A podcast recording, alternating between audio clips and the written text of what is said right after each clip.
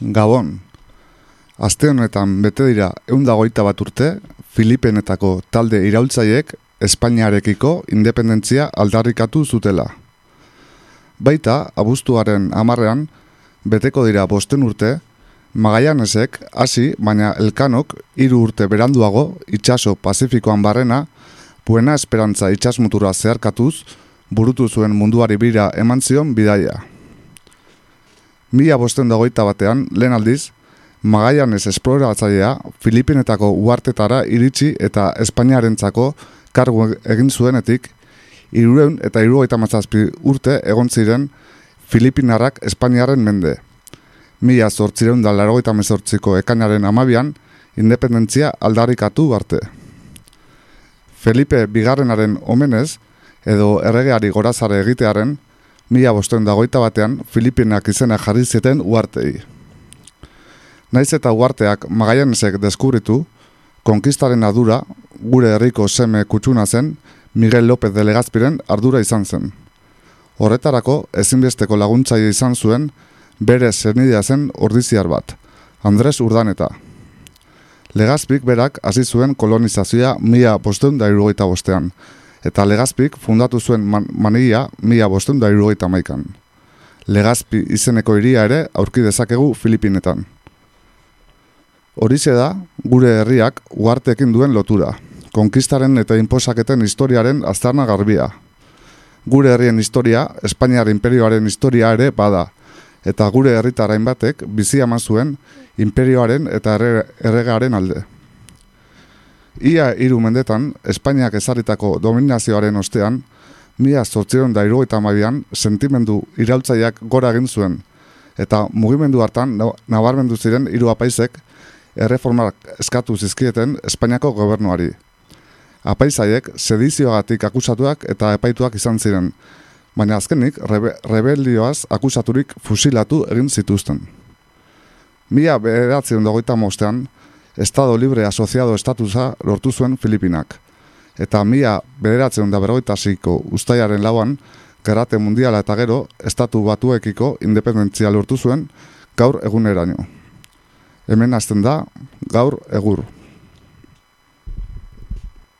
Guten Tag, meine Damen und Herren. Auf Muslim entering the United States. C'est la lutte contre le terrorisme. Katea ez da eten. Agirre, garaikoetxea, leizaola. Gaur egur. Gaur egur. Gaur egur. jolasten eta enredando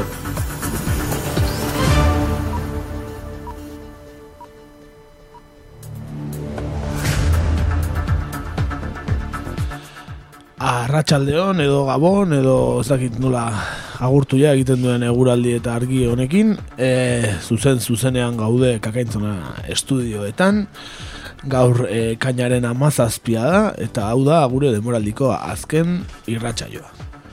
Hori da, mai, azken txamparen amaierara iritsi gea, ez da? Hey, kaixo, gabon den hori, eta hori da, azken programa hau iritsi zaigu, urteko azken programa hau. Gogotxu, pixkat berandutu zaigu gaurkoan, eh, beti azken aldean oso puntual genbiltzan, eta Bai. bestela gaizki ohituko zeate horren urterako oso oroitzapen onegia puntualegia izango dute gure entzulek, eta izan dugu pixka berandu hasi horregatik. E, ba, besterik gabe, irratsaio bikaina dugu zeo zer berezi xamarra egin nahi izan dugu azken irratsaio honetarako, eta ba, orantxe jakingo duzu ezer, guazen bertan gaurrekin.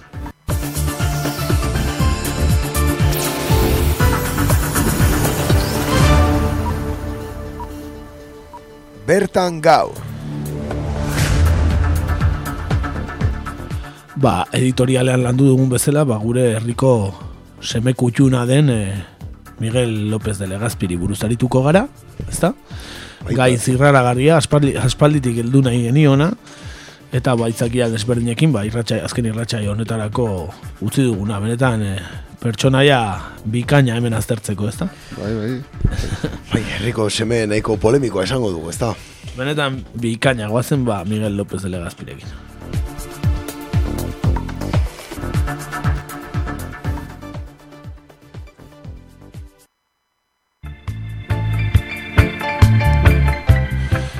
Beno, ba, gaurkoan gai zira zirraragarri hau e, ba, lantzeko Valentin Tramon daukagu gurekin, e, entzule asko kabian ezagutuko duzue, ba, liceoan ikasi baldin badezue bintzat, e, arrasateko irakaslea. Eta kontua da, balenek e, Miguel López de Legazpide buruzko ba, ipuin bat idatzi duela, Eta ipuin hori ba, fantzine formatuan e, ostegun hontan aurkeztuko dugula, ba, kakaintzona irratiak e, ba, ekoiztuta edo, e, ba, maiatzaren hogeian, ostegun hontan, zumarrako plazan bertan, ba, ba, legazpi jaunaren estatuaren azpian, beraz edana gonbidatuta zaudete aurkezpen hortara, eta ba, goazen pixka bat Miguel López de legazpi zein zen kokatzera, eta segituan balenik galdetuko diogu gehiago. Esan bezala, gaurkoan Miguel López de Legazpiri buruz hitz egingo dugu. Bera Gipuzkoan, ez Zumarragako Legazpi dorrean jaio zen, mila bosteun da bi eta mila bosteun da sei artean. Familia noble batean barnean, bai, aita Juan Martínez López de Legazpikoa eta Elvira Gurrutxategi izan zituen eta bikotearen bigarren semea izan zen Miguel López de Legazpi zuzen ere. Dakizuenez, jatorrizko dorretxeak, oraindik zutik dirau, Zumarragan, Besteak beste, ba, bueno, musika eskola da, gaur egun. Mm? Miguel Enaita, Italian eta Nafarroan borrokatzen aritutakoa zen, eh, gaztelako koroaren pean, eta legazpi gazteak zuzenbide ikasketak egin zituen, eta horrek, mila bosteun da hogeita zeian, Zumarragako udaletxean zinegotzi izateko balio izan zion. Urrengo urtean, aita hil zenean, areriako eskribaua ere izan zen, aitaren ordez, eta mila bosteun da hogeita zazpian, erregeak berretxi egin zuen kargu horretan. Mia bosteun da hogeita zortzian, urrengo urtean, Mexikora joan zen bizitzera, eta bertako agintari izatera ere iritsi zen López de Legazpi. Felipe bigarrenaren aginduz, Ozeano barea zeharkatu zuen, eta mia bosteun da irurogeita bostean, egin zituen lehenengo kokaleku Europarrak, geroago, erregearen omenez, Filipinak izena hartuko zuten uarteetan mila bosteun da iruro geita maikako ekainaren hogeita lauan, hainbat borrokaren ondoren, kokaleku finkoa lortu zuen Manilan. Ben, eta honi buruz gehiago hitz egiteko, ba, mentxe daukagu gure estudioetan balen. E, ongi etorri balen? Eskerrik asko. Bai, e, eta lehenengo eta behin, ba, zerk bultzatu zaitu ba, ipuña hau idaztera? Ba, e, gai luzea da, zeren e, badara maten ben uste du direla hogeta mala urte, eta betik egin zitzaidan deigarria ikustea Sumarrako plaza erdian, han, e, tipo bat, arro, alturan, goian, kriston espatatzarrarekin, eta e, konkista Espainiarraren e, ba, ordezkari gisa Euskal Herrian e, olako personai bat e, goratzea e, mingarri egiten zitzaidan, baina bueno, pizka bat ez nintzen sartzen gehiegi ez da ere teman, ez da. Baina badire urte batzuk e, ikastola kataratako laugarren debatxeko gizarte zintzetarako testu liburuetan mm, ja gaur egun beste batzuk erabiltzen dira, baina e, amasi garren mendean azten ziren, da goratzen zuten Lope de Legazpi, Elkano, talako personaiak, eta konkretuki e, legazpiri buruz mm, deigarri egiten zitzaidan e, bi aldiz errepikatzen zuten armak erabili gabe konkistatu zituela Filipinak. Eta ja, apur bat bola onditzen e, joan zan, hasi nitzen ikasleekin ataratzen gai hori jorratzen genuenean plazara, eta ba, aztertzen genuen, e, nola armari gabe, baina kriston espatatzarraz, da ea nola den posible, ba, armari gabe konkistatzea lurralde bat, ezta? Gauza bada adostea zerbait, elkarrekin e, e, konbibitzea, da beste gauza bada konkistatzea, e, errege Felipe Bigarrenaren menpe jartzea eta armarik erabili gabe, ezta? Eta gainera, e, kuriosoa da, e, askotan e, alkate jauna, agertzen zen, ez dakinik, nundik nora balkoian begira zegoen denpora guztia edo zer, han etortzen zen, ez da bedatzera, eta e, bera kolonizatzailea zala eta kolonizatzailea zala. Eta nira, izunik ez diot ikusten atxur batekin, lurra jorratzen, ikusten dut espatatzar batekin, eta ikur, e, hango herrietako ikur bat, zapaltzen, beraz, hor zerbait badago, ezta? Eta bueno, betik hortik zurrunbil horretatik atara ezinka.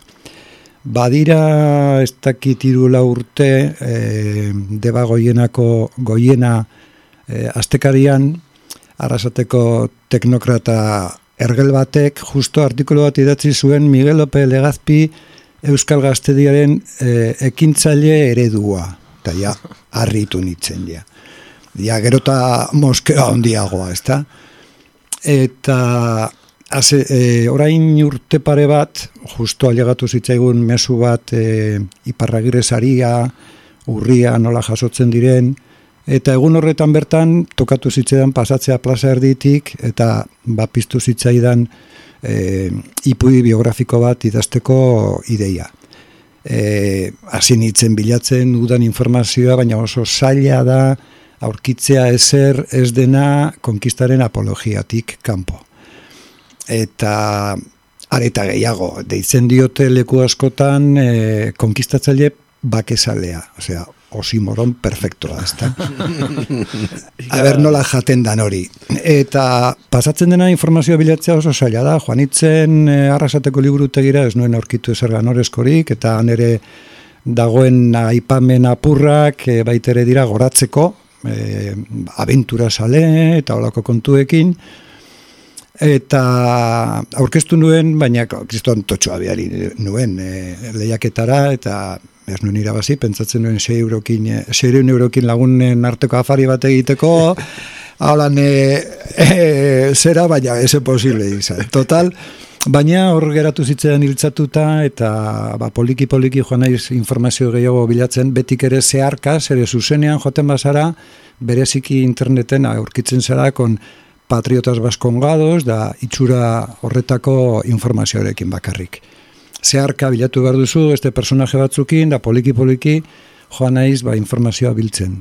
Mm eh, esan dezakegu beste batzuk bezala adibidez etortzezki burura elkano edo urmeneta eta bar, ba, historiak ondo tratatu dituen pertsona egitakoa dela. Bueno, historia espainarrak bai. Eh, irabazleek idazten dute historia eta txarrena da guk hemen e, asimilatuta gaudela gero eta gehiago eta guk ere hartzen ditugula eroetzat, ezta? Hori da mingarriena. Zeren Espainiar neofrankismoan e, loratzea eta goratzea eta gainera erabiltzea bide batez Euskaldunok ere ze espainola garen e, ba, azpimarratzeko, ba, bale, ulertu dezaket, baina ja, Euskal Herrian bertan ere, eta ez derrigorrez Euskaldun eskubitarrak, baita ere uste aurregerako ja direnak ere, e, e, kontu zor, e, hau gure personaje da eta hau ez ikutu. Orduan e, ba, mingarria, mingarria da. Gure simbolo hietako bat, ez? Hori da. Ba, Ibidez bai. orain e, tokatu behar dalako elkanoren e, bai, urte bai, urrena, ez? O, bai.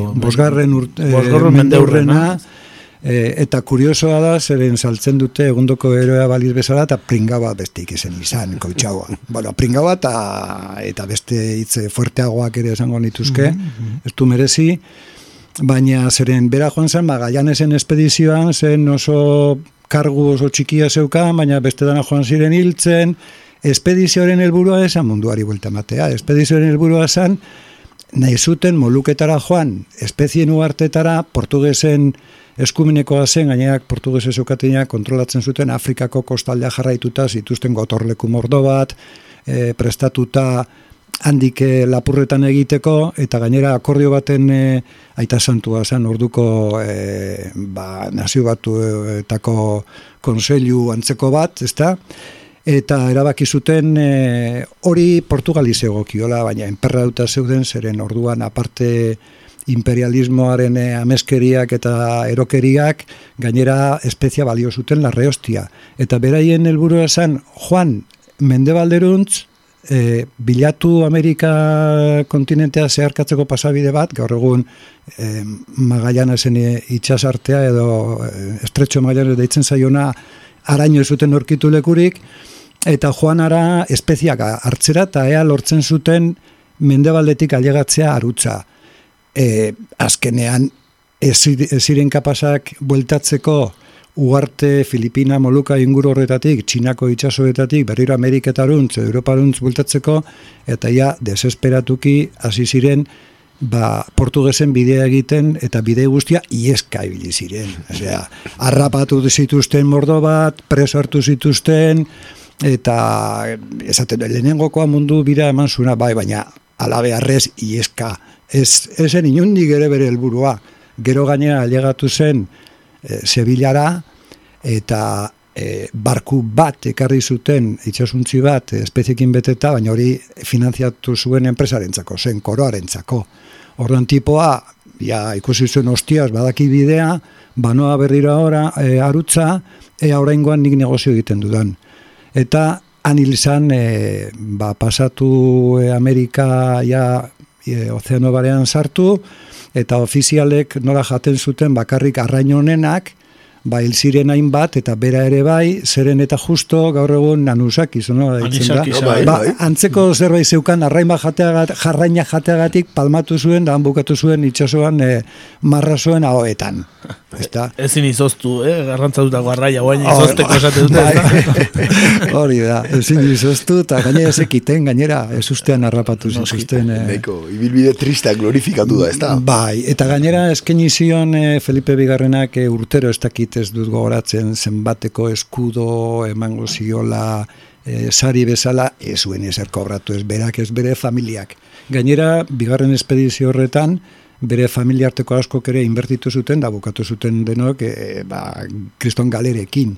Irabazi zuen gauza bakarra izan zen, armarria, hori bai, oso dotorea. Bai, eta orain e, mende urren hontan, ba, getariara etorriko dela, ba, armadako e, barku garrantzitsuenetakoa denez, Juan Sebastián Elcano, ez? Bere Bai. izena bai pasatu da historiara. Bai, bai, eta hori baino mm, areago gainera, e, zera eginten ari dira pelikulak, e, egundoko edizio desberdinak serie bat, e, e, marrazki bizidunekin egindako beste bat, eta biografoak edo gidoilariak Espainiako ejerzitoko historialaria dira. Dana esan dago. Bai, ez, hori, ez marka. Baina, bueltatzen gara, lehen aipatu dudan tema batera, lotzagarriena da, Euskal Herriko erakundeak, eta beste hainbat e, instituzio parte hartzen ari direla horretan, zeren nahi dute saldu marka elkano negozioak egiteko, joateko berriro hortizear, engainatzera jentea. Berriz Hala, ere, negozioa bihurtzeko eta de paso ba, pizka gehiago espainolizatzeko. berriz ere arpilatzera, ez? Arpilatze modernoa. Ba, horixe, bai, orain ja forma desberdin batzukin, ezta? Mhm. E, irakurri nun, ez daki zuzendu jazu bestela, e, elkano hori baino lehenago ere ibilizela barku esklabistetan, eta bar.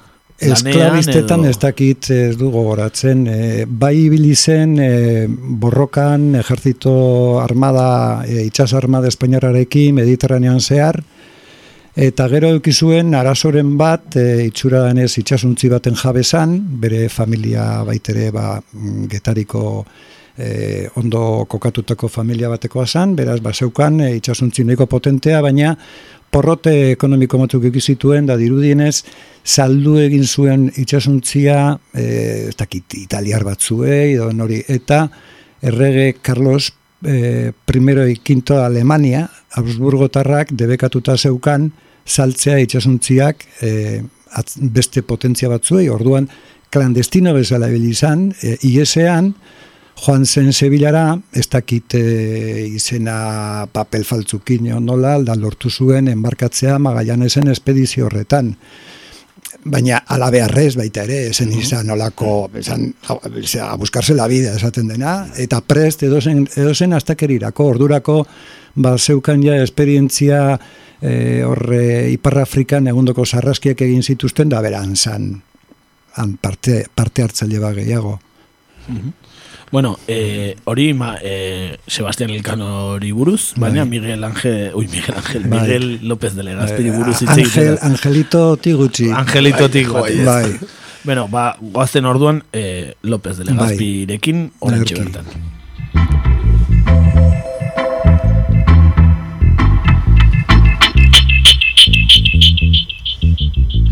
Beno, e, irakurri dugunagatik, e, Zumarragako familia garrantzitsu batean jaio zen e, Miguel López de Legazpi, ezta? Bai, hori da.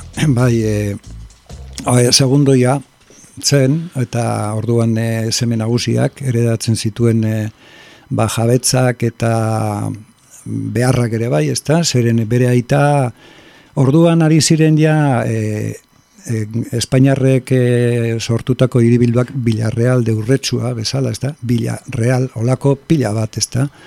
E, salba, tierra eta izen estilo horretako mordo batekin, orduan jauntxoak e, irten bestela ere ez zioten uko egingo, bere botere egarriari, baina bereziki espezializatu ziren e, gerlari bezala, eta bere aita militar, militar bezala, ebil izan bai e, e, lehenengo errege katolikoekin, gero e, Carlos lehenengokoarekin ere, bai Italiako fronteetan, lehen aipatu duzuen bezala Nafarrako konkistan ere parte hartu zuen, mila bostun damabian, e, ez dut uste burua asko jango zutenik, edo damu askorik ekiko zutenik, baina aldi beran derrigortuta zeuden. Uko egin ezkero, desjabetu egingo zituzten, edo baitere eriot zigorrera kondenatu. E, beraz, e, zeme nagusia geratzen da ardura hoiekin, da berak lehen esan duzuen bezala, zuzen bidea ikasten du, eta hor, azten da pizka bat, ba, e, medratzen, trepatzen eta mugitzen, ezta. Orduan ere burokrazia bat zeukala bere bidea, eh? Bai, hiru edo, zire, edo zinen e, koitxau bat, edo zenituen bereziki familionekoa izan da, hiru irten bide, militarra, eliza, edo burokrazia. E, militar papera, hombre, ba, zeukan aukera baitera sartzeko, baina e, ba, e, zeme nagusiak zeukan hor nolabaiteko almen gehiago.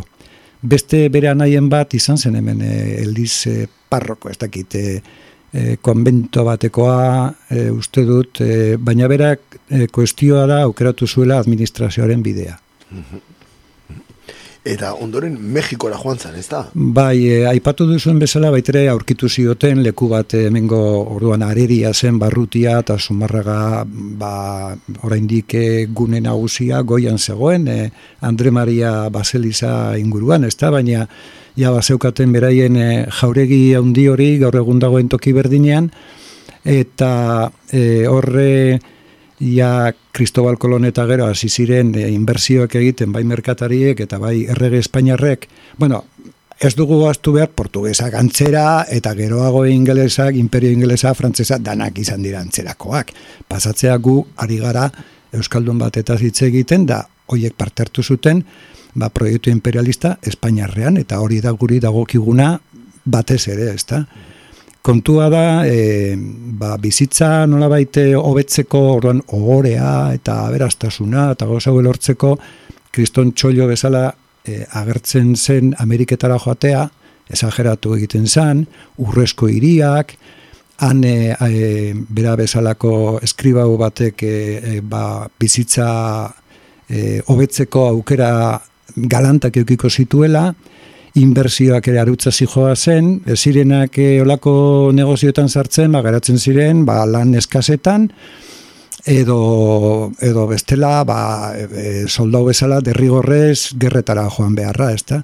Orduan berak aukeratu zuen, e, Nueva Espainiara, Mexikora, sortzi urte lehenago Hernán Cortesek e, konkistatu berria, eta hogeta sortzian, mila bostuen da hogeta sortzian, abiatu zen. Ez dut ikusi inun, nundik abiatu zen, suposatzen dut Sevillatik izango zala, edo bestela Zelandak adizeko beste portu famaturi. San, Puerto de Santa Maria? O, ez, ez beste bat, e, ba, berdin da. E, Kadizetik, e, hango herri neko ezaguna da gaur ere. Eh?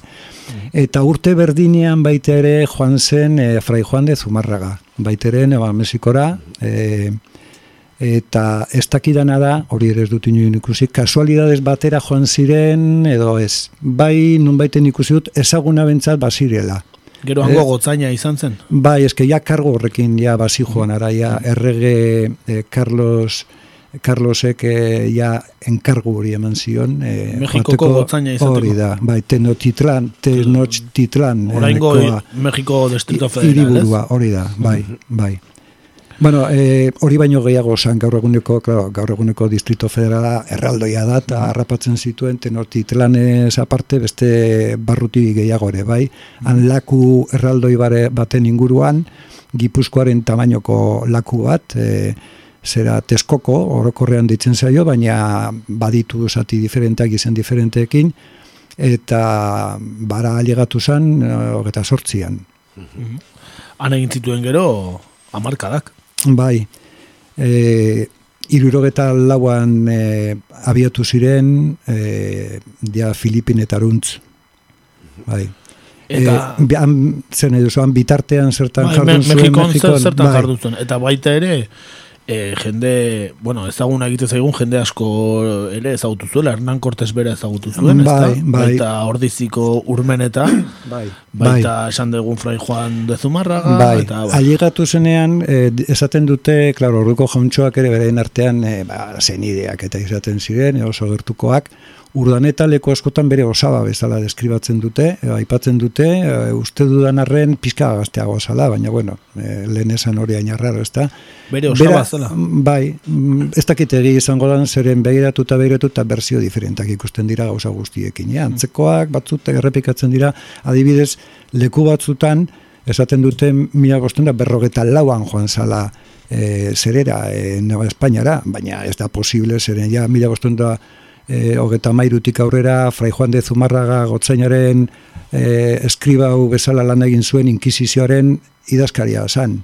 E, sortzi amarrute bilizan inkisizioaren e, iskribau, bera, han ba, imaginatu, torturatzen zituzten e, bango berezko jatorrizko jendea mm, baratez ere buruzagiak leporatzen zieten edozein e, idolatria mm, ba, pekaturen bat e, torturatzen zituzten egondoko espektakula montatzen zituzten da berak deklarazioak torturatuen deklarazioa jasotzen zituen hori Miguel López de Legazpi bai, bai. Mhm. Horren aurretik dagoeneko, eh, bueno, hasi zen dia eh, hango udaletxeak abildo dena delakoan idazkari, erosi egiten ziren karguak, eh? Hemen bere erentzia eramango zuen zorroan eta barosiko zuen suposatzen dut hori izan zen hori zen ohikoa kargu bat eta gero eskondu zen e, obispo baten e, arrebarekin e, gero beranduago bere alaba e, nagusia baitere eskondu zuen Hernán Cortesen biloba batekin, da poliki joan zen instituzio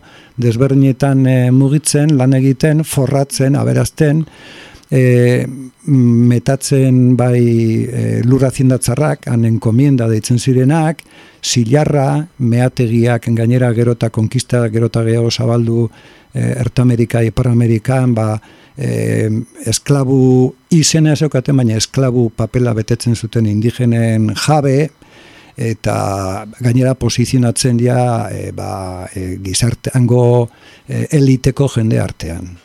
Garaiko enpresa gizona bihurtu zara esan, bai, ez? Hori da, bai.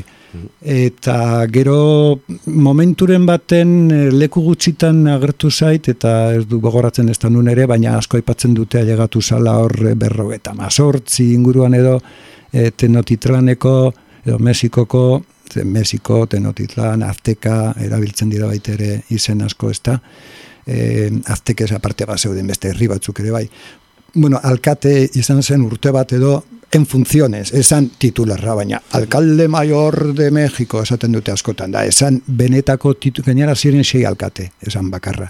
Eta horietako bat, eta gainera en funciones egoen zeren eh, kargua zeukana, berak ordezkatu zuena, etorri zen Espainiara bere negozion batzuk e, ba, argitzera edo eta bitartean ere egon zen baina hor ba, goratzeko hori ere erabiltzen dute. Mm oso kasuala izan zela ez zela bere mm, bai, bueno, claro, hortarako balioko zuen baita ere zeren ja basera man sartuta mundu horretan e, urte asko ez da, hogeta sortzitik aurrera. Mm E, monetaren etxean ere egon zen, e, ba, imaginatuan lapurretan egingo zuen, bueno, bi eskukin, ez da? E, imaginatu e, meategitako zilarran alegatzen zena, han zegoen desmadrearekin, ba, ba, orduan aberaztu egin zen. Baina, atara zuen, ja, Carlos Emperadoreak lege batzuk, lege berria deitzen direnak, non itxura denez, ezitzaion, berak espero besteko dirurik alegatzen zilarrik bere poltsikoetara, bere sakuetara, eta hasi zen e, ban e, bizitadoreak, hau da kontrolatzeko hango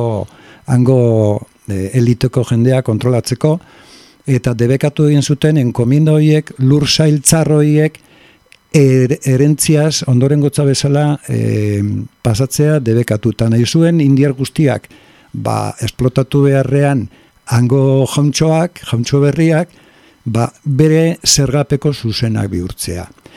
Egon matxinatu ziren enkomenderoak eta lortu zuten e, gutxienez e, ba, zigor gehiagirik ez jasotzea. Eta inkizizioan zebilela ere, ometotxin, e, uste dut e, gaizpi espadu goratzen e, mila bostundo meretzian, erre egin zuten e, eta ba, zeukan e, ba, bere herritarren artean e, ba, nola baiteko mm, takit nola esan e, ba, esan nahi handia eta orduan e, Carlos I atzaparrak sentitu zituen lehenogoko aldi, zeren e, bai Frai Juan de Zumarraga eta bai berak izan ziren ba, e, protagonista zuzenak e, prozeso guzti horrena, orduan e, horti libratu zen, baina ja gauz, gauzak ja e, pizka bat zailtzen hasi zitzaizkion. Ja. Mhm. Ba, zaukan oraindik aberastasuna, baina ja boterea galtzen hasi zen. Eta bereziki enkomiendak galtzeko arriskua zeukan. Ez da, kriston lur zailtzarrak, esklabo mordo batekin, eta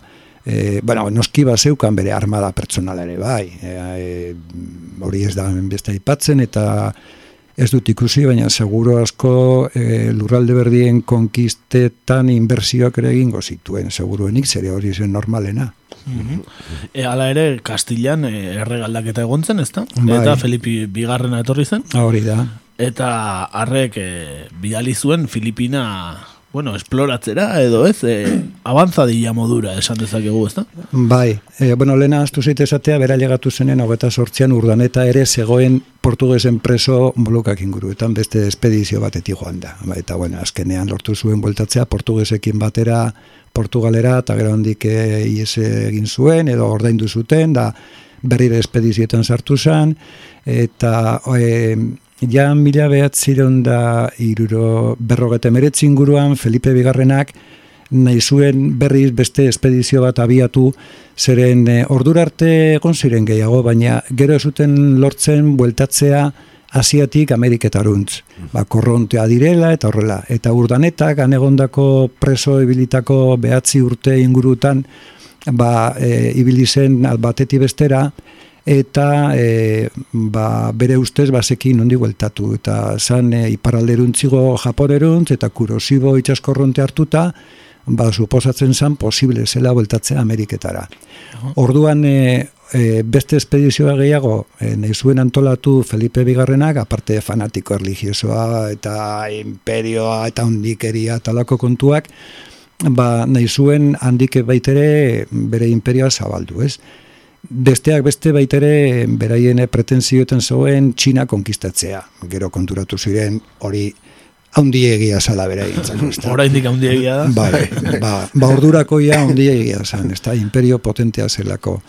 Eta e, enkargatu zioten urdanetari e, piloto lan egitea, eta e, enkargatu erregeak esan nahi du agindu. Noski, erregeari, emperadoreari ezin diozu ez etzik esan eta Miguel López Legazpik egin zuen invertitu zuen espedizioaren gehiena. Saldu zituen e, aziendak, holan libratu zan, eskakeatu zan, e, kentze prozesu horretatik, lege berrien e, prozeduratik, jauregien batzuk ere bai, eta ba ia ia zeukan guztia invertitu zuen e, zer horretan, espedizio horretan, eta berez itxuradanez Felipe Bigarrenak hitza eman ziren berak e, bidaliko zuela dirua, baina zuen bidali. Orduan, e, azkenean, inbertsio gehiena berak egin zuen, da inbertitu zuen zeukan guztia. Ja, tipoa zeukan ja, mila bosteun da bian jaio bazan gutxi gora bera, ba, zalantza daude, ez da urtea, baina hori ikusten dute gehien, ba, mila bosteun diruruk eta e, laurako, ba zituen irurogeta bi urte, ez da? Eta, eta garai hartan, joatea espedizio baten, gaur egun Mexiko denetik, araino, da larre hostia. Mm Osea, iruile beteko bidai bat, ezekiten buelta ere posible zen, gainera engainatu egin zituzten, zeren urdanetak oso garbi omen zeukan lurralde haiek Portugalenak, Portugalen eskumeneko zirela, eta engainatu egin zituzten da esan zieten, ba ez joango gara beste espedizioetan galdutakoak e, erreskatatzera, baina benetan helburu izango da Ginea berria ze hori bai sartzen da gure gure e, eskumenetan. Baina ja itsasoan behin sartu eta hiru egunetara, ez dakiz zenba denporara, ireki zuten gutuna eta ez goaz Filipinetara. Ah. Eta urdan eta azarretu hemen zen, baina ez aukan bueltarik. Eta ba nabiatu ziren, aliagatu ziren, irurogeta bostean, eta anibili ziren, ba, zazpi urte Austia Limpia, gehatu barik, e, azkenean e, irurogeta bian e, hilzen arte. Mhm. Horrekin orain jungo gera, e, zergatik aukeratu zuten e, hoietako bat edo nagusi Miguel López de Legazpi? Ba, ni suposatzen dut urdaneta eta bere artean ba, zegoen harremana, Urdaneta ia zegoenean askatuta, zahartuta, zeren gainera e, militarra izan zen baita ere urdaneta horretik lehenengoko gauza, e, eta ez bakarrik Europan e, kapitain bezala ere jardun zuen Nueva Espainian baita ere. Baina ia zegoen eskutatuta ia Agustino Frailen artean zerenan babestuta zegoen, segurozko eukiko zuen e, negozio zikinen bat hortik, eta ar Fraile artean babestuta zegoen ordurako. Mm nire zalantza da, e, eta inon ez dut ikusi, e, e, Lope Legazpik inbertsio hori aparte lege berrien eragina ebitatzeko bere borondatez, ala derrigorrez egin zuen inbertsioa, edo espero zituen gero Felipe Bigarrenak agindutako diruak bidaliko zituela, ala ez zituen bidaliko. Mm. Eta gainera, irurogeta lau, urteko agure bat zela hostia sartzen dan pertsonalki olako espedizio baten. Mm. Horretaz, ez dute ezer eh, garbi ikusi eta gainera e, ikusten duzun berzio guztia dira e, apologia konkistarenak, ezta? Mm -hmm. Ere, e, sartu eskero saretan internetan patriotas baskongados da holakoetan, bueno, horre da el puto Super, amo. Superhéroe, superhéroe, ba, hori da. Bai. Eh, Oain jungo gara Filipienetan ze gertatu zan zazpi urte horietan, baina bai. lehenago, e, bueno, argitze bat edo ez, zatikan, igual, asko etortzen zaigu burura, ba, igual Filipina eta juntzala, ba, Amerika zan bezala, ez? Deskubritu gabeko lurralde bat balitz bezala, eta hango, ba, bertako biztanlea bakarri baleu bezala, baina Filipina ja ezagutzen zidan, ez, eta Txina arrak zebiltzenan, musulmanak ere bai, ez da, beraz, etzan, e, ezin dugu pentsatu Amerikako bezalako gauza badanik, ez da? Ez, e, zeren eta Ameriketan ere, ba, zeuden herri eta kultura desberdinak, baina gero mugitzeko ere behin Karibeko uarteak e, menperatu eta kriston genozidio egin eta gero bertako gehienak zarraskitu zituzten modu ankerrean e, sartu zirenean ja kontinentean bertan a, e, Mexiko ingura goilauta da bazan oso zabala, oso aberatza kriston maila ekonomiko, kultural, sozialarekin eta ura esen e, milaka eta milaka uartez osatutako olako laberinto bat. Aparte, zegoen txinatar imperio oso gertu, zegoen Borneo, zeuden musulmanak, zeuden molukak, eta handik ari ziren bueltaka etengabe, bai txinatarrak, bai portugaldarrak, bai malasiarrak, bai tagaloak, ala, herri mota diferente mordoba zeuden. Eta gainera, horretaz aparte, klima ere ekuatoriarra basatia, monzoiak, tifoiak, lurrikarak, hau da, e, esen e, Nueva Espainiako goilauta da errez e, mugitzekoa, ez da, saldi gainean joan dan e, e, izutu bertako mm. jendea, hor itxasuntziekin jokatu zuten batez ere, kainoiekin. Mm -hmm. Atzen agintarintzako inkomoda, baina esan nahi nuna da, e, hori, ez zala izan Filipinetako deskubridorea, Miguel López de Legaz. Ez, ez, ez, adibidez, Filipinak izena ja aurretik ez nahi zakorratzen nontxan, beste izenekin, eh, beste espedizio batekoa jarrita zeukaten, eh? ez zion bera jarri izen hori. Mm Ja, uste dut urdaneta preso gertatu zen espedizio hartati, ja, baton bate jarri ziola izen hori.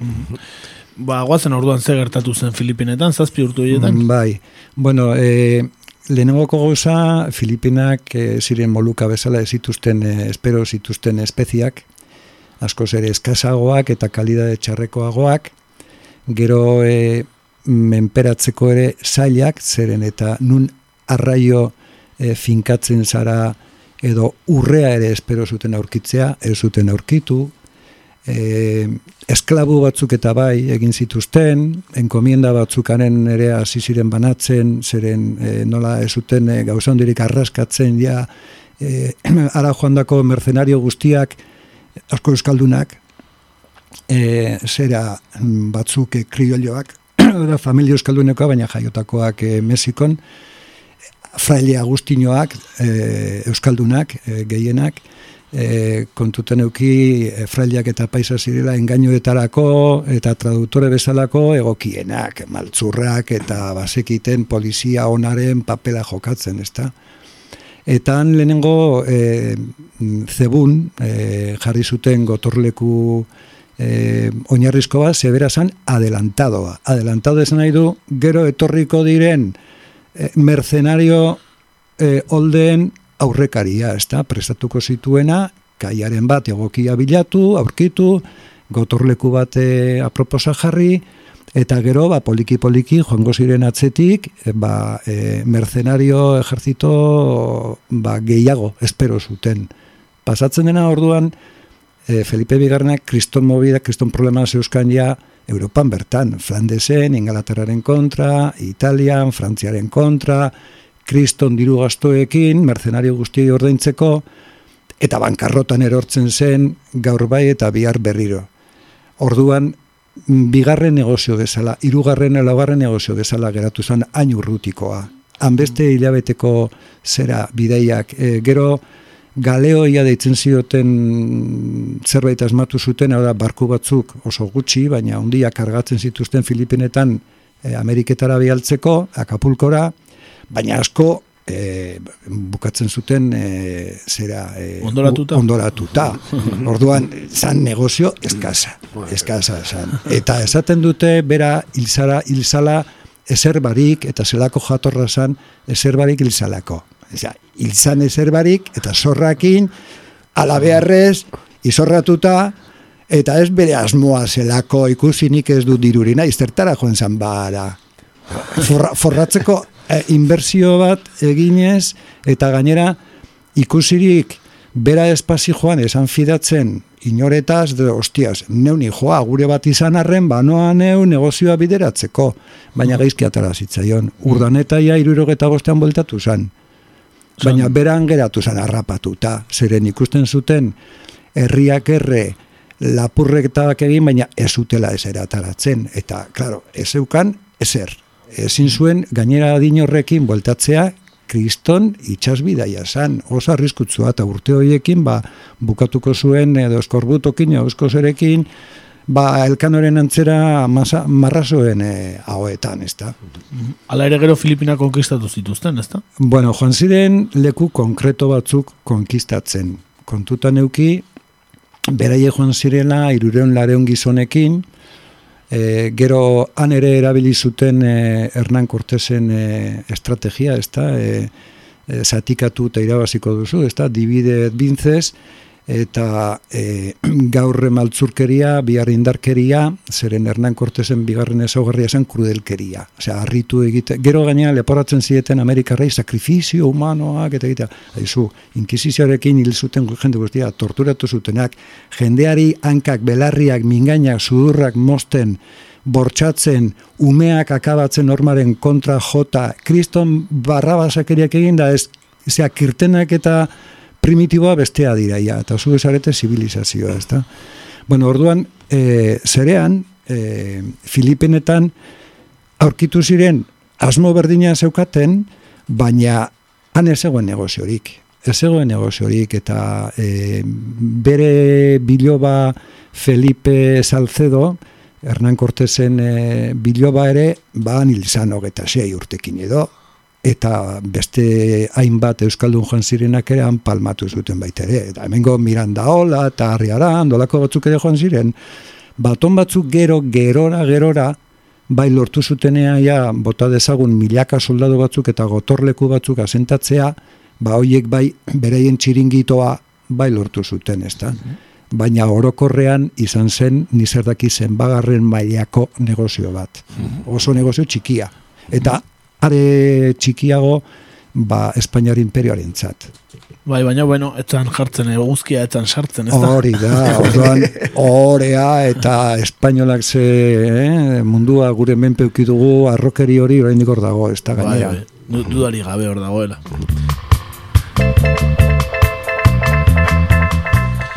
E, amaitzeko bere bizitzaren historiarekin, e, nola hiltzen? E, Manilan hiltzen? Bai, Manila e, menperatu zuten, e, esaten dut kuriosoa da, esaten dute, aparte armari gabe konkistatzea, esaten dute, bueno, eukizituen hainba gerra honekin, besteekin, e, baina Manila fundatu zuen, ez, Manila fundatu horretik urtebeteko gerra bat eukizuten, ezta? Eta azkenean, irabazi zutenean gerra hori, Juan Sanbera, egin zuten e, arresi berri bat beraientzako, intramuros deitzen diotena, eta beste bertako pringodanakan kanpoan, morroi, ezta? Eta mm, bi berzio ikusi izan ditu nik bere eriotzaren gainean, bat bihotzekoa eman ziola eta beste bat iktus edo embolia bat, taki bietatik, baina arratzalde bateko kontua izan zen. Claro, ordurako bazitu niriro eta marrurte. Eta e, udan, abuztuan, monzoia ebiliko zen, ematen gogor. E, mercenario berriak ailegatutakoa ja zuten errespetatzen inundik ere, deitzen zioten al viejo. Eta e, dirudienez, bentzet hori leku askotan dator, ba, menpeko batek eh, egin zion olako errespetu gabeko ba, ez dakit pa, keinuren bat, ez dakit zer da, orduan asarretu omen zan, da eman omen zion atakeak. Eta ordu gutxitan hil zan. Eta gainera bere fidela ziren e, lehenengoko espedizioan joandako gehiena hilda zeuden, ja. Batek eh, batzu malariakin, beste batzuk gerra, beste batzuk beste gaixotasun Ez batekin. konfiantzazko Ez jenderik. zeukan ja bere bere konfiantzazko jenterik eta zegoen ja bere biloba e, zera e, Juan e, Goitia. Salcedo, ez, goitia zan beste kriollo bat, e, hori mm, baitere asko aipatzen dute e, ba, azkeneko konkistatzailea eta bai goitia eta bai e, e, Juan Salcedo mm, biloba eta hori hoiek ere e, ari ziren ba aber nun harrapatuko nunbaitetik ailegatu zitzaien e, Luzon uarteko iparraldean urrea edo men zegoela eta handik ari zen aber zer harrapatuko dezuten gauza hondiri lortu baina e, bai, e, ondoren gotza bezala zorrak jaso zituen e, bere aitonarenak bueno, zeo zer jaso zu behintzat. bai, bai Beraz, esan daiteke azken, bere azken urteetan, ez? Bere eriotzaren momentuan gutxi pintatzen zuela bertan. Bai, bai, bai, eta badago mm, zera, e, gero adibidez informazio lehen esan du zeharka bilatu behar duzula adibidez fraileen gutunak, eta olako kontuetan da, ernez akordatzen garen uste dut, e, e, Martin de Errada, Nafarra, Euskalduna, e, gainera, e, gutun bat, e, idatzi zuena, e, uste dut, e, Mexikoko audientziara sala, esaten zuen, bueno, izu, hemen edo aldatzen dugu kapitain edo general edo, bueno, agintari eta edo hau pikutara dijoa, zeren ez du inungo agintari dagoeneko. Eta hau da, e, katastrofe bada, bakoitzak egiten du nahi duena, dijoa edo zein herritara, sarraskitzen dituzte, lapurtzen dute, bortzatzen dituzte, ez dago inungo e, irabazirik, eta jendea dago bai etorri diren e, aberasteko gozearekin etorri diren mercenarioak, eta bai e, gobernuaren ordezkariak ere daude, kaka bat egin da.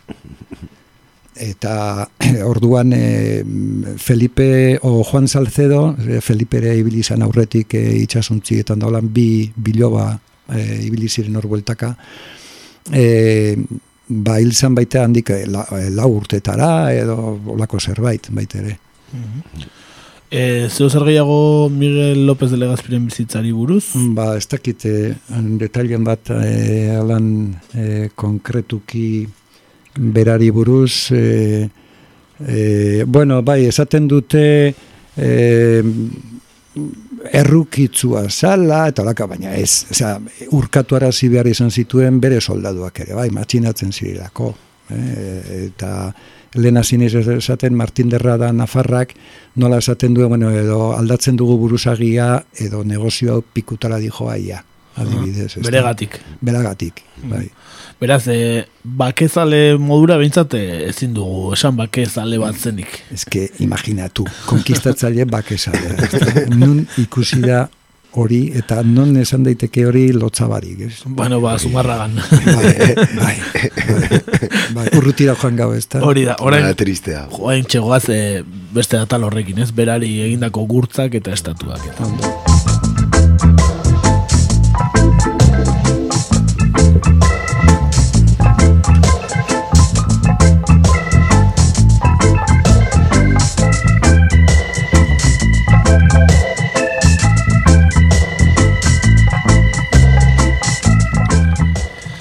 Beno, eh, edo zer gauza geratu baldin bazaizu bere bizitzari buruz, esan dezakezu, eh? E, ba ontxe, zei bururatzen, behatzi zeme alabeuki zituela, baina hori ba, anekdotikoa da, eta bere bizitzari buruz, ba, ez, ontxe bertan ez bentsat. Bueno, ba, guazen orduan, gero etorri zela, ba, e, ba, seguro eski Euskal Herri guztian, da baita zumarragan ere, ba, ba, goraipatzeak eta laudorioak eta, eta Bai. plazaren erdian estatua jartzeak, eta Bai. hori ze garaitan edo badakizu nola gertatu den? E, mila sortzireun da laro eta mazazpian altxatu zuten, da ez da kasualidadea. Zeren eta justo Filipinak ari ziren bere independentziaren aldeko gerran. Orduan justo hortxe jarri zuten, suposatzen dut Filipinaren Espainiartasuna goratzeko eta de paso hemengo koitxo mordo bat arabialtzeko. Txiroak joango ziren, noski. Ez bakarrik e, sumarragakoak, ez, e, ba, bai Kubara edo bai Puerto Ricora joan ziren bezala, uarteaien e, Espainiartasuna defenditzera, de, asko derrigortuta eta beste batzuk ba, ez dutelako beste aterramendurik, ezta? Kontutan euki, e, mila e, sortzireun da irurogeta maseian, bigarren gerra karlista galduta, foruak kendu zizkigutela, eta ordutik aurrera, Euskaldunok ere derrigorrezkoa genuela soldadutzara joatea, edo zeinolako proiektu imperialistetara.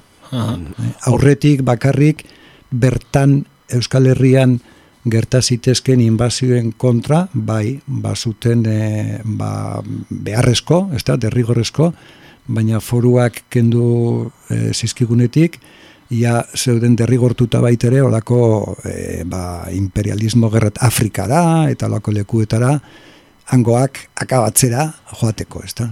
Mhm. Orduan, eh, esan dezakegu, eh, gerrako simbolo bat bezala eraiki zutela. Ez lehenago egindakoagatik bakarrik, baizik eta jendea Espainiaren batasunaren alde borrokatzera eta Ba, momentu oso konkreto bat izan zen, ze kasualidadea, ez da? Ba, Mila e- sortzion dela rogeta mazazpi, urte bageroago lortu zuen independentzia Filipinak, estatu batuarren laguntzarekin, berai hemen perortzeko segidan, klaro.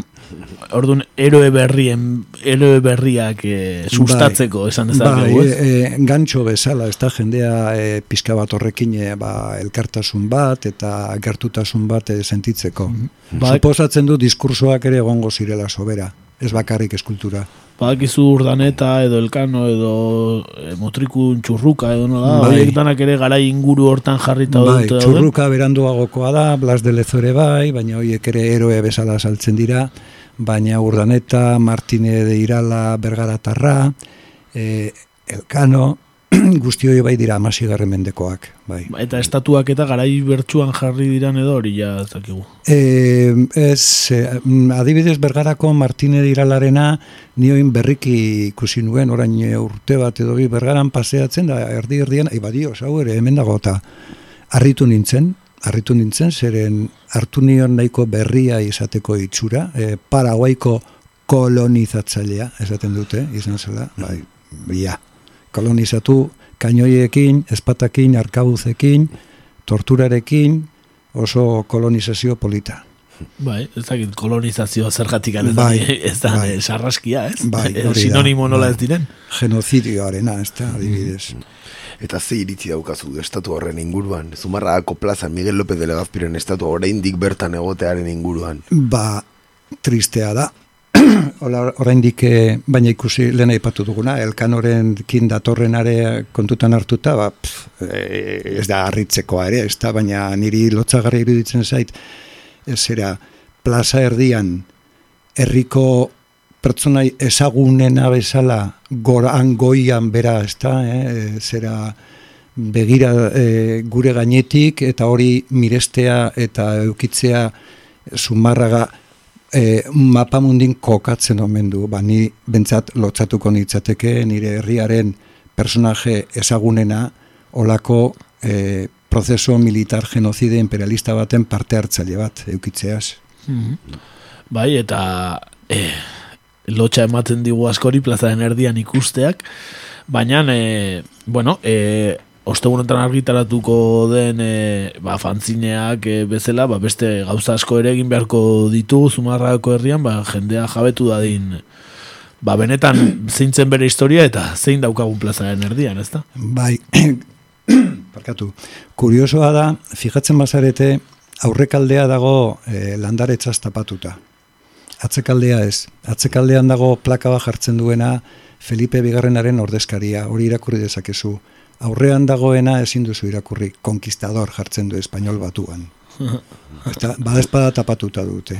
Bai, izan izateko explorador jarri behar. Ba, kolonizador, o, olako zerbait. Baina da, dena da, konkistadore bat. Bai, bai. Adelantado, kapitan general, e, e, zegeiago kargo zituen, gobernador, kargo asko, baina dirurik ez. Hau da, E, idatzi omen zion Felipe Bigarrena gutunean batzuk, ba, eskaini, zoztak izer da badak izer, baina anil zan, miserian. Hmm. E, zer ari marko genuke estatua horrekin? Ba, ba nire ustez, eh, lehenagoko gauza, e, adi, bueno, da idea bat, ez da, e, proposamen bat egin, e, zerekin ordezkatu.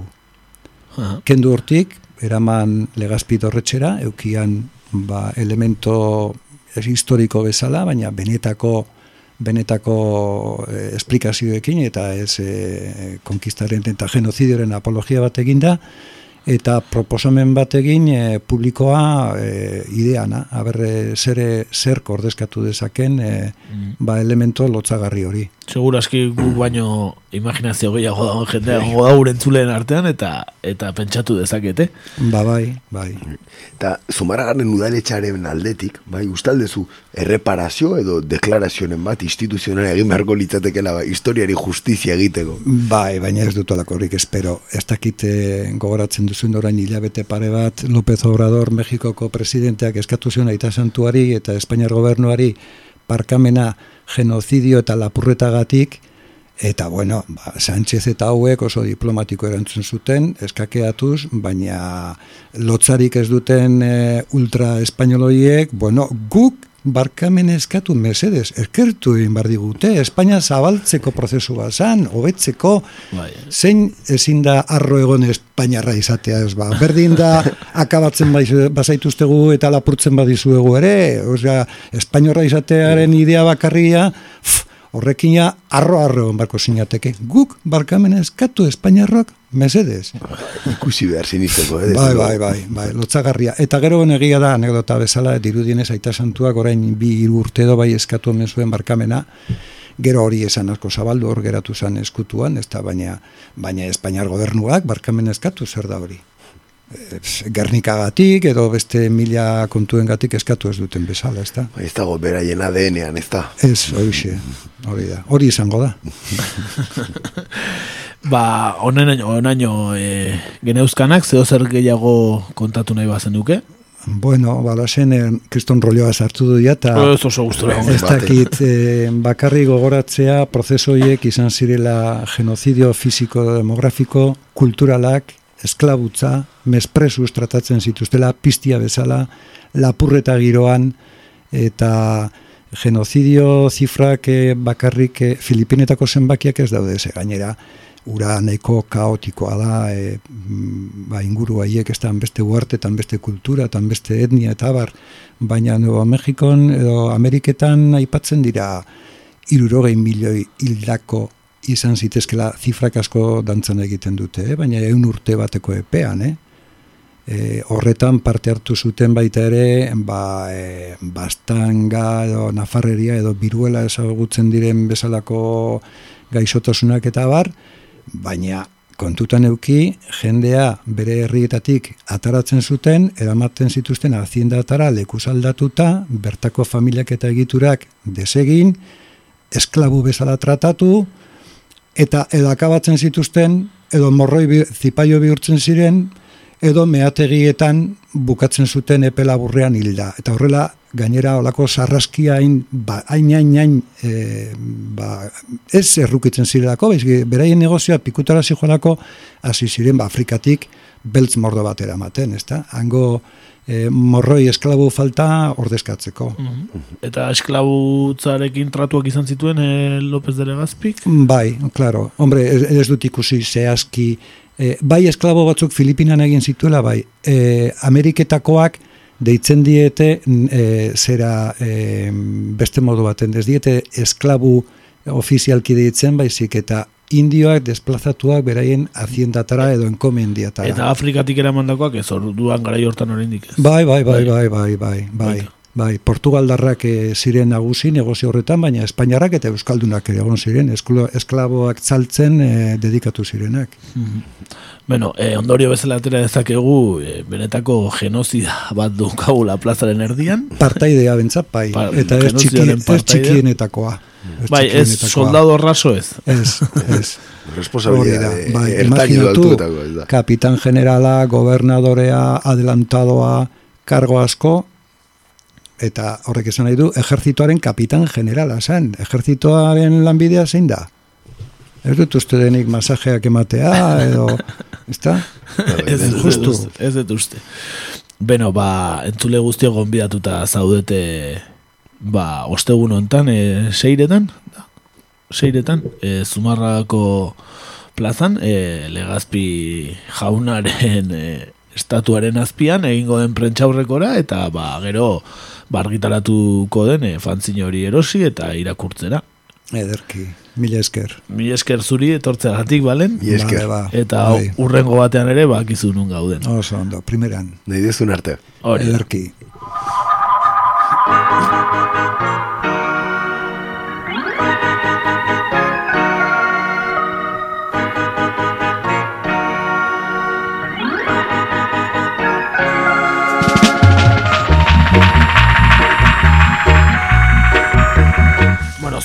Zorrotz eta bikaina aritu zaigu, eh? Valentin Tramon, eh? Benetan, eh, gonbidatu bikaina. Jo, baiet. Errepaso, beste- errepaso bikaina. Bai, beste noiz baitea gonbidatzen dugun, beste gaien batekin edo ikusiko dugu. E, hor ibili gara galdezka ea zer egingo zukeen berak eh, estatuarekin o estatuaren ordez.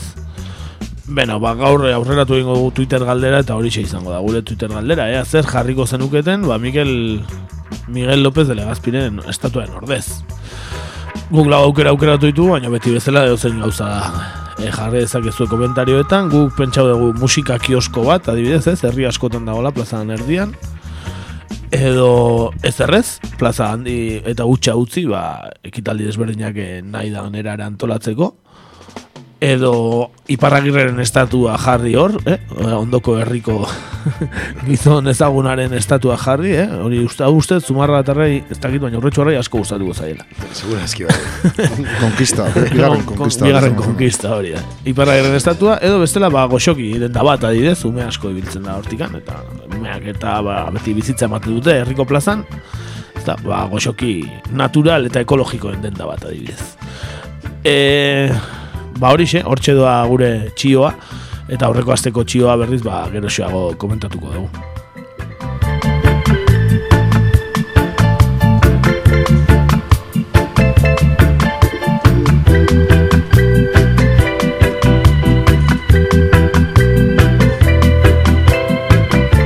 Eta ba, tartetxo bat, eh, Valentin eh, agurtzeko, behar dan bezala agurtzeko, ba, musika tartetxo bat jarriko du, abesti txo bat, eh, eh, ba, bizpairu minutukoa, behar bezala agurtzeko, eh, kasu honetan, ba, ekarri dugu, ba, guk ere askotan izate ditugun tripako minak, ba, kaukorikuraaren tripako mina abesti ekarri dugu, tripako mina daukagunean eh, laguntzen diguten guztiei eskenia, eh? eta ba, Napoleonek ere tripako min oso ezagunak zeuzkan, ezta? Oso historiara pasazan, eh?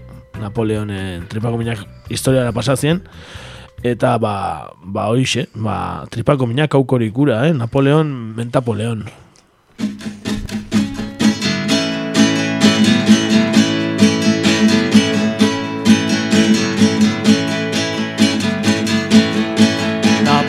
menta poleon, Napoleon menta poleon, Napoleon menta. Tripa comiña, tripa comiña, tripa comiña, tripa comiña. Bona parte que euskaraz, su zergatik ez. Bona parte que euskaraz, su zergatik ez. Bona parte que euskaraz, su zergatik ez.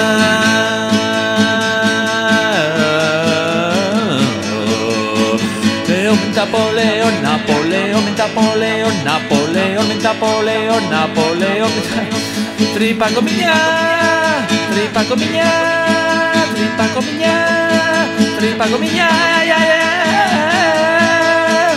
Bonaparte que euskaraz, zu zer gatik ez, Bonaparte que euskaraz, zu zer gatik ez, Bonaparte euskaraz, zu zer ez,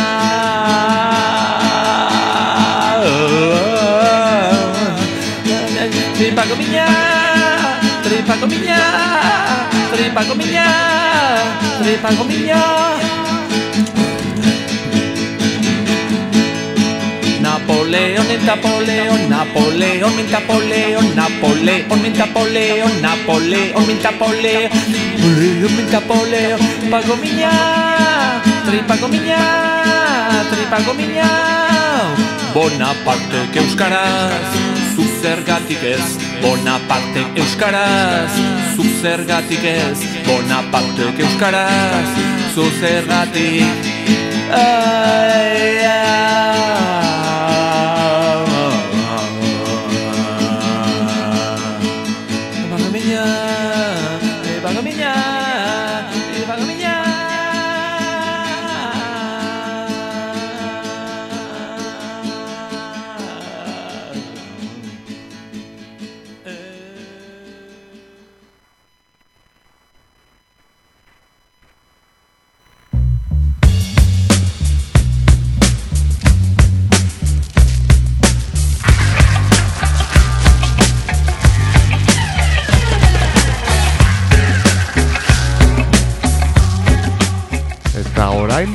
Efemerideak.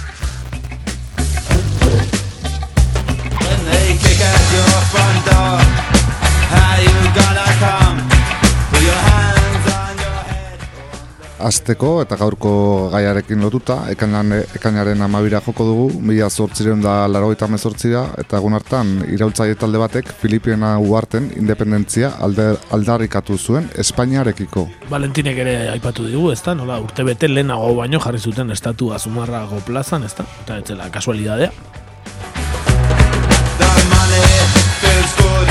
And your life you like it. Eta ekainaren amaseira pasatzen gara, hain zuzen ere mila zortzirun da laro zazpian, lehen labe garaiak inauguratu zituzten sestaon. Marismen gainean eraiki zituzten labe garai hoiek. Hor diraute.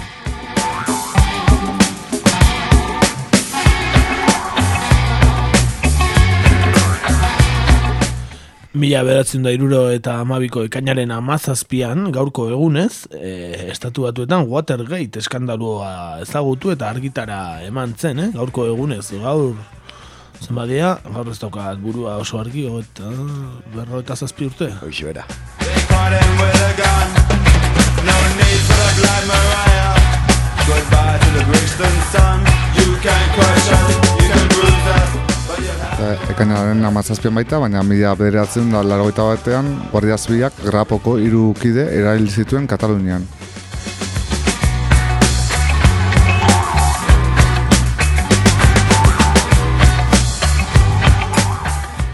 Eta gaurko egunez ere, baina laro gehieta maikan, hau da, orain jela hogeita zazpi urte, Ego Afrikako parlamentuak apartheidaren amaiera onartu zuen, gehiengoz, berrogei urte iraun zuen apartheidaren ostean. Hogeita zortzi urte.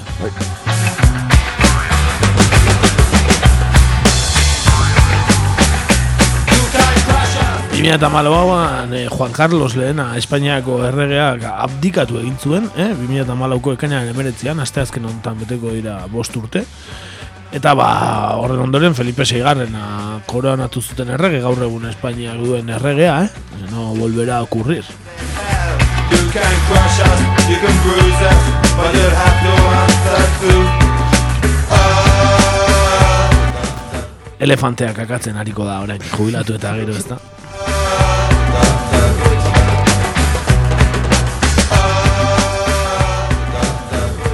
Dakigu Miguel López de Legazpik ere elefanteak eh, gustoko ote zituen. Eh? Elefante aragia oso xamurra omen da. Be- beste izaki batzuk bentzat izaten zituen, eh? Bai, ez da.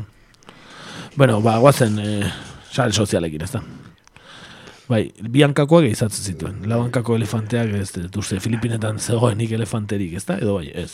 Ez dut uste dagoenik, ez? Ez eman ideiarik agian elefante bajarriko digute plaza erdian eta. Bueno, Miguel López de Legazpi baino hobeto izango da. Desde luego.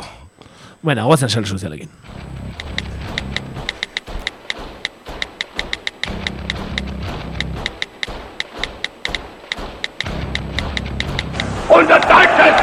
Sieg heil! Sieg heil! Sieg!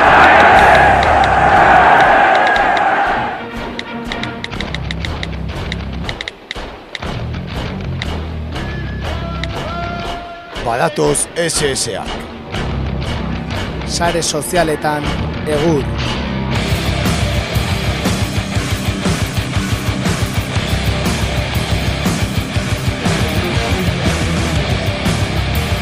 Bueno, ba, sare sozialetan eh, zer daukarkigun gaur, bueno, gauza asko ekar genitzake, eh? Lehenik eta baina aipatu lehengo astean eh, egindako eh, inkestak, ba, izugarrizko exito izan duela. Kalarria. Eh? Eh, bosteun bozkatik gora, gure asteroko batazbestekoa denetan birrindu du, eh? Era bat, era bat, amarko iztu, oiko iztu, da izan egin duen.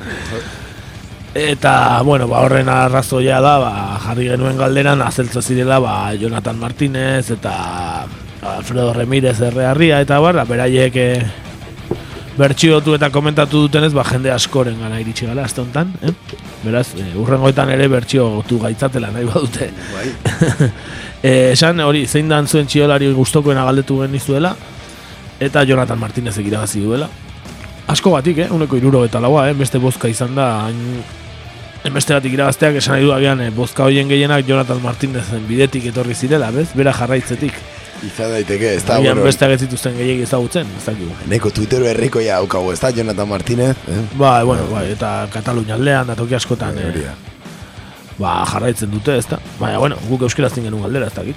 Katalan asko bakit euskeraz, hor- hor- hori ulertzeko gain, lain bai, ez? Ez dakigu Twitterrek ere al, itzultzen du batzuetan txioa, ez dakit nola txio, al, itzuliko zuen txioa, baina, bueno, ikusiko dugu. E, ba hori, hori eskerrak, e, bai, errearriari, bai, irantzu galerari, bai, Jonathan Martinezi, eta bertez ere Barbara goenagari, ez gaitu bertxiotu, Barbarak, ez dakigu zergatik. Baina, bueno, Twitter utzi omen dula, eta igual letzun ikusiko. Adibidez bate komentatu zigun, eh? E, Borja Senper falta zaizue hautaketa demokratiko bat egiteko. Esan zigun, eh? Txambertuxek. Eh? Horrela egia da, ez, bai, bai. Demokraziak eh, hanka haunitz dituera, ez da? Bai, Jonathan Martinezek ere jarri zigun Barbara herriazurekin. Eh? Hori ere, ba, jendari gustatu zuten esaldi ez da. Bueno, ba hori eskerrik asko beraiek, lehen bidali dugu beste beste galdera ez, zer jarriko zenuketen eh, legazpiren estatuaren eh, ordez, hasi da batzu bozkatzen, iparrageren estatuak badu bozka bat, ja da, beraz, gogor dator, eh? Jakin urrengo urrir arte o irail bukaera arte hola, ez degula irratxaik egin orduan, orduan komentatuko dugu, eh? E, iparragirren kontua, ea ordurako kendu duten Miguel López Legazpiren eh, estatua, ikusiko dugu, eh? Eta hori xe, ba, orduan, e, sare sozialetan ze ekarri degun? Ba, kontua da, ekarri degula Ba, atal honetan azken e, e, irratxa jorako nahi genuen ba, ba, sare sozialen atal honetan ba, urten izan dugun izar handiena ba, zuzen zuzenean elkarrizketatu nahi genuen, ez da? Ba, zein den, ba, ba jakingo duzuenez, Winston Mirakatxa paba, ez da? E, kazetari Kolombia randia. Ba, eskal- elkarrizketatu nahi genuen zuzenean, telefono bidez, Skype bidez, edo dena delakoa, baina, e, ba, ez digu, erantzunik eman, eh? Zaitasunak izan dira, eta azkenean eh, ba, ezin izan dugu. Mhm. Behin eta berriz eh, saiatu gara, beha Etzen lokalizatzen. ba Argentina aldean edo Uruguay aldean ibiliko, eh, agian, eh? Zatik hori argi gabe ere geratu dira, eta agian... Eh. Igual apagoia izan da, ez da? Bale, arrazoia. urteko erreportajea egiten ari zaigu, desagertuta eta ez dakit. E, guk e, beste konklusio bat atera dugu, hori da egia. Izan ere konturatu gara gerora, aste honetan, ba, zein izan daiteken e, bere desagerpenaren arrazoia, Izan ere, ba, bere iriko, ja, ezaguna zaigunen pasto, ez, e, Nariño departamentuko hiriburu den pasto, ba, bertako futbol taldeak, ba, lehengo astean jokatu zuen Kolombiako ligako finala. Eske, eske hortxe dakazu, hor, bai, bai, Eh, bai, pastoko eh. ekipoa, bai, bai. Pastoko ekipoa. Eta zein den Pastoko ekipoa, ba, futbol talde hau da Deportivo Pasto. Eh? E, Deportivo Pasto, ba, esan bezala San Juan de Pasto iriko futbol taldea da, ezta? I, San Juan de Pasto da Nariño departamentuko hiriburua, ja eguren zuleko ondo jakingo duten moduan. Eta, ba, Deportivo Pasto, mila batzen da berro eta bere atzian sortu zen, ez da, orain, ez da, ez? Hemengo futbol taldeak bezain zarra, ez, eh, adibidez. Eta mila behatzen da laro eta emezortzian igozen e, lehenengo mailara, hogei urte dara matza bakarri lehenengo mailan, eh? E, baina 2006an ja irabazi zuen Kolombiako liga bat. Ojo, cuidado, eh? Bai, bai, ez gara dozen eta zari, eh? Eta hori izan da bere lorpenik handiena, baina, bueno, Conquistadores, eh, Copa Libertadores, ez? Conquistadores Libertadores, eh? Copa, kasualidad, hola ditzea, e, Conquistadorena ez dute egingo, e, ba, ere, ba, jokatu zuen, baina, bueno, ka- kanporatu gertatu zen, eta hori den. Bueno, Ipialeseko estadioan jokatzen dute, eta beraien ez izen ezagunenak dira La Fuerza Tricolor edo el equipo volcánico. Eh, benetan ek, ekipo bikaina eta zari gara, Kristona, Pasto, eh? Ba, hori esan bezala, eh, aste honetan, ba, ligako bigarren tituloa au- eskuratzeko aukera handia izan dute, ba, final handia izan da, eta Club Deportivo Junior de Barranquilla talde bikainaren aurka lehiatu dira. E, eta hauek berriz ez izenez dira Los Tiburones. Eh, benetan ez izen bikaina, eh? Los Tiburones. Eta ba, finala egiten dute bi partidatara, eh? Joanekoa eta Itzulikoa baten etxean da gero bestean, ezta? Joaneko partidan, ba, jokatzen zuten juniorren etxean, Barrankillako Metropolitano Roberto Meléndez estadioan, ezta? Eta ba, junior de Barranquillak eh, irabazi zuen, bat eta huts, eh? estua, partida estua izan zen, eta, bueno, azkenan, eh, ba, Barrankillaren alde, ezta? Hala ere, ba, itzulerako partida gelditze zen, eta aurreko aste azkenean zen e, itzulerako partida. Eta hasi aurretik jada bazuen bere polemika, eh? izan ere, ba, ligaren arduradunak, eh? Kolombiako ligaren arduradunak, diala División Mayor de Fútbol Colombianok, edo Di Mayor modura ezagunak eh, Kolombian, ba, Ipiales estadioan jokatu behartzen partidua azken orduan Bogotara eramatea erabaki zuen. Bueno, eh? bueno, bueno, Eta, eh, ba, Deportivo Pastoren aurkako ekintza zuzena izan, eh? Eta Bogotako El Campín estadiona, eh? Pastotik bederatzireun damasei kilometrora, eh? eh? Ba, hau, hau bera, Wistonek kontatuko digu gu baino asko zobeto, eh? Entzun dezagun Wiston. A menos de 36 horas del partido de vuelta de la final del fútbol profesional colombiano, aquí los nariñenses mantienen la fe intacta y un irrestricto apoyo al Deportivo Pasto. Si ganamos, ganaremos. Si perdemos, perderemos. Pero nunca dejaremos la forma de ser que tenemos.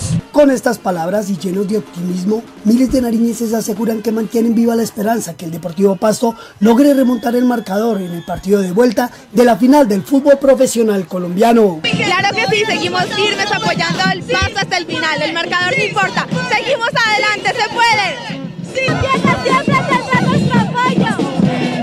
Aquí en la capital de Nariño los pastosos tienen vivo el espíritu deportivo, no piensan en el fracaso y aseguran que la ilusión y el triunfo son el eje de cada uno de los capítulos que hoy tiene el Deportivo Pasto soñando con la segunda estrella. ¡Vamos por la segunda! ¡Vamos Pasto! Claro que sí, esto no define nada. La ventaja es mínima y tenemos todas las posibilidades de seguir ganando. Entonces, Pasto va a ganar en el próximo y vamos a quedar de campeones. La segunda estrella es de nosotros. De que vamos a, a conseguir la segunda estrella. Sí, todavía sí, tengo esperanzas en mi equipo. Aún las... ¿Qué esperas? Que seamos ganadores, sea donde juguemos el partido. Y la segunda estrella la esperamos. Esta hinchada pastusa es capaz de dejar la vida por el equipo de sus amores. Vamos campeón,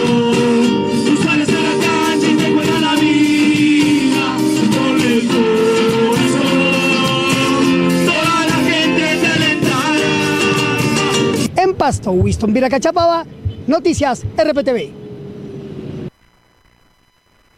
Eskerrik asko, Winston, benetan bikain, eh? Hace Beste kronika, ere, hace beste kronika. ere, benetan bikain, gure Winston maitea.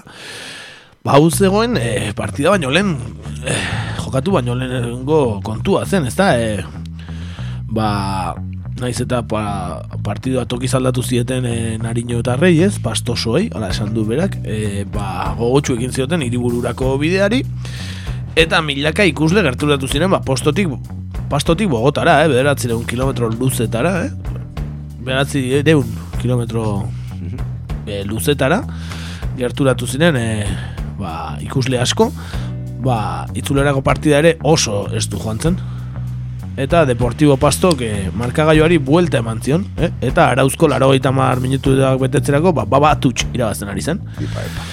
Eta orduan beraz, ba, prorroga. Eh? Emozio guai, bore puntu bat, bikain, eh? Bai, bai, Entzuleak bai. ikusi gai, behar gaituzue e, gaur egurreko kideak, sofan, e, partidua ikusten, era txoratuta, Bai, bai, Deportivo bai, bai. Pastoren alde, Hor, bai, bai. Benetan e, partido zirrara izan zela, eh? Bufandak eta den atera genitun, eta hor egon ginen, eh, Hori animatzen, eta, bai. bueno, ba... Noski Deportivo Pastoren alde genden gu. Ose, hori, xe, E, bueno, ba, prorroga prorrogan era nekatuta zeuden bitaldeak, leia biziko oita mar minuturen ondoren, ba, markagailua etzen mugitu, beraz, ba, penaltiak, han ere, ba, penaltietan erabakitzen dira kontu hauek, ezta? Antologiko. Bueno, ba, bitaldeak zorrotz jarron zuten penaltietan, eh? e, lehenengo lau e, jaurtiketak e, sartu zituzten, eh? bai junior de Barranquillakoak eta bai Deportivo Pastokoek, bosgarrenean etorri zen kontua, eh? eta Kolombiako telebistan guk ikusi genuen bezala zuek entzutea nahi dugu. Entzun dezagun nola izan zen kontua finalean bertan. Sebastián Viera. Viera, pierna derecha para Viera, gol de Junior. Gol del Junior de Barranquilla. 5 a 5, señores. Que nos falta uno. No, falta uno, falta, Falta uno, falta el de pase. Comenzó patear. Hor sartu zuen gola e, atezainak, eh? lehenengo laugarrena ere Deportivo Pastoko atezainak bota zuen eta bosgarrena Junior de Barranquillakoak ere atezanak eh, bota zuen eta orduan ba, bat falta zen, ezta? Eta bat hori zein zen, ba, ba Deportivo Pastoko izarra dugun eh, Rai Banegas berbera, ezta? E, berak sartu zuen eh, partidako gol bakarra ere, Rai Banegas, orduan ba, zale guztiak eh, esperantza genuen sartuko zuela Rai Banegasek penalti hori. Entzun dezagun. Sí, falta el de pasto para el, para el quinto. Bueno, hasta ahora, Narváez, Rangel, Pérez Sánchez y Viera en Junior. Los cinco del Junior ya están. Ya están. Cardona, Núñez, Mariano Vázquez, Volpi. Y ahora va Ray Vanegas. Tranquilo, Ray, tranquilo. jendeari isiltzeko esaten dio Raibonegak. Sebastián Viera que algo le dice a Ray Vanegas, él dice vamos. Le va a pegar Ray Vanegas, autor del gol. Sí, señor. Autor del gol. Mucha cábala sobre eso. Ray Vanegas. Pita el juez central, viene Ray Vanegas. Le pega Ray por encima. Campeón Junior. Campeón Junior. Campeón Junior de Barranquilla. Campeón Junior de Barranquilla. No se le puede poner cuidado al arquero ni a nadie cuando se va a patear. Campeón Junior, señoras y señores. Beno, eta hortxe, ba, guretzako izan zen, benetan, eh, pena, latza, eh, latza aurreko astean, eh, gaizki pasatu genuen, futbolaren gatik ez gara. Futbolarekin gaizki pasazaleak, baina egia esan, eh, Deportivo Pasto, que, ba, harrapatuta gauzka, eh, benetako zalea bihurtu gara, ekipo honenak. Bai, Pastoso eta zari garenean bromarik ez. Broma gutxi, eta, ba, kontua da horixe, eh, ba, galdu egin zutela, eta hala ere, esan behar daukagu, eh, ongitorri beroa jasan, jaso zutela paston, eh? E, ba, hori Deportivo Pastoko zaleek entzun ezagun zatitxo bat. Sos el Deportivo Pasto es el campeón. Estoy llena de gozo, el corazón lo tengo hinchado de alegría. He llorado. Vine desde Cali anoche por este recibimiento. Desde Cali me transporté para este recibimiento. Prácticamente el equipo lo que hizo una campaña muy grande de la B a la A, dar un paso y darnos esta final es un orgullo para todo Nariño.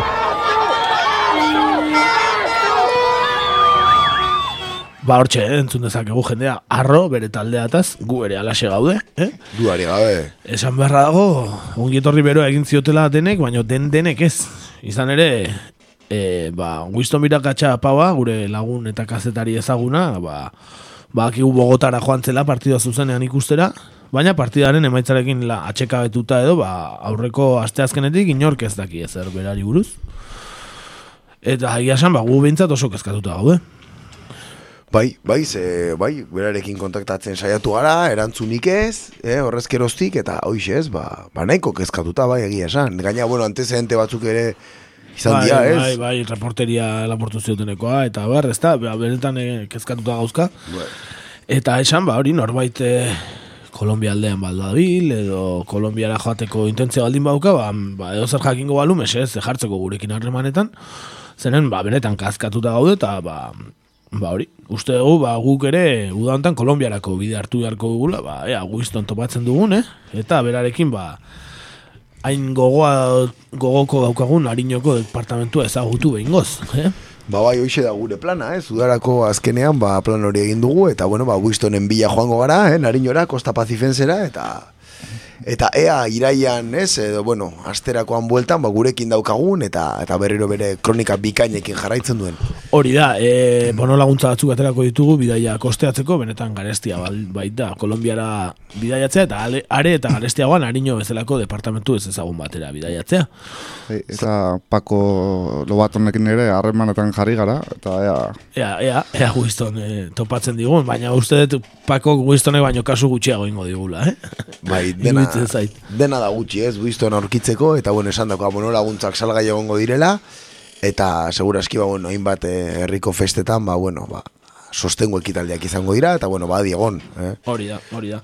Ba, hauxe, e, denboraldia bukatzeko geneukana, egia esan pena, Winston zuzenean sartu ez izana, baina, bueno, egia esan elkarrizketa bikaina ekarri dugu, e, gure e, erdiko, ba, izen handiaenaren, e, e, ez, izen handiari buruz hitz egiteko, ez da, Miguel López de Legazpi, gure herriko izen handia, baina ondoko herriko izena, eh? Hori da, hori da, bai, bai, nahiko kuriosoa da, eh? Hori da. Bai, ba, gizu legazpirekin beti biltzen gara tematuta, ba, legazpi tarra daukagu zumarrako e, seme horetsua, ez da? Eixo. Ba, horixe, denbora honetan geneukana, eta espero dugu zuek ere gozatu izan gu gozatu dugu bezain beste, benetan oparoa izan da denboraldia, hogeita maika irratsaio egin ditugu, eh? benetan oparoa. Eta gu bintzat oso oso gustora pasatu dugu, eta seguru urrengo denboraldian ere hemen izango garela. Ez da, ez baldin bada bintzat, eh, ez da, eta izeura untxi batek edo ez badu irratia eramaten, eh, hemen izango gara. Dudari gabe, hemen izango gara bueltan, irurok eta baita ere eh, gure korresponsala, eta eta hoxe bitartean ba, gaiztok izan, eh, gaiztak eritan ibili, eta eta bueltan entzungo gara berriro, ez da? Hori da, uda giro honekin, ba, ekarri dugu, ba, Deportivo Pasto, hori, nomenezko abestia den, eh, ba, la banda tricolor de Pasto, ez, ba, dale, dale, kumbia, eh? Beraz, kumbia gozoko erritmoarekin agurtzen gara udazkenera arte. Eskerrik asko entzuleok horregotagatik eta entzungo gara. bai, ondo izan, eta e, de paso, e, aitorri zorion dune diot, zorionak aitor. Oso ondo, oso ondo. Hortxe- Olako zorionak ja irratian ez dira entzuten, la Claro, Ah, la leche, hori da, hori da, zorionak aitor. Zorionak aitor, bai. Kumbia gozoa zuretzako. Agur. Agur, gaiztok izan. Y vamos con las palmas arriba de todos.